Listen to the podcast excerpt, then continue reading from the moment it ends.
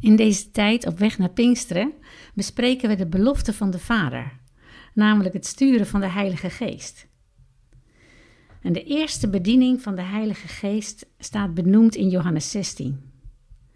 De geest van de waarheid zal jullie, wanneer hij komt, de weg wijzen naar de volle waarheid. Dat zegt Jezus zelf. Door jullie bekend te maken wat hij van mij heeft, zal hij mij eren. Dus Jezus eren is het eerste doel van de Heilige Geest. En wat de Heilige Geest doet, mogen wij ook doen, samen met Hem, Jezus eren. Dat woord eren vraagt wat uitleg, zeker in deze tijd. Het is niet zo populair om, om te eren. Ja, misschien in de tijd dat je puber was. Dan uh, had je de adoratie voor een muzikant of een filmster. En de tijd dat je de muren vol plakte met je favoriete sportclub of je muziekband. En dat is iets waar je hè, gemiddeld zo met een glimlach op terugkijkt.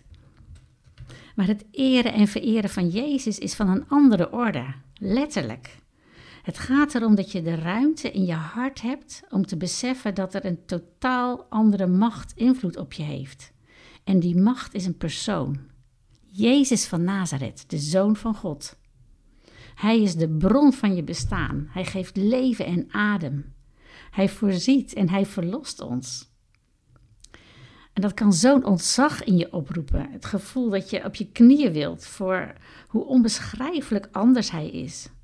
Een besef van totale afhankelijkheid, van overgave, van aanbidding. Dat is hem eren, vereren.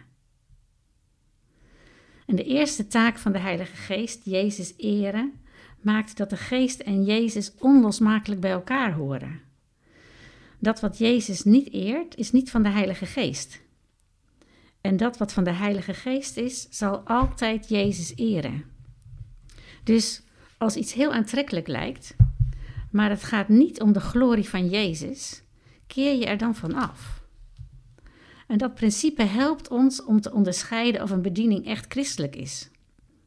Een bediening waarbij het draait om Jezus Christus is van de Heilige Geest. En een bediening die hem negeert of hem op de achtergrond houdt, die is niet van de Geest.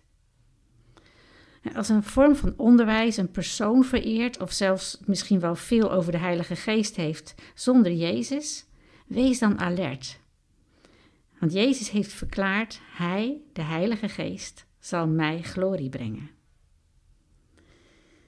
En zo bidden wij samen met Paulus, die in de brief van de Thessalonicense zegt: Daarom bidden wij altijd dat onze God u deze roeping om Jezus te eren in ere doet houden.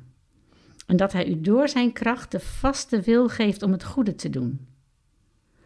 Dan zal door de genade van onze God en van de Heer Jezus Christus de naam van onze Heer Jezus door u geprezen worden en u door Hem. Amen.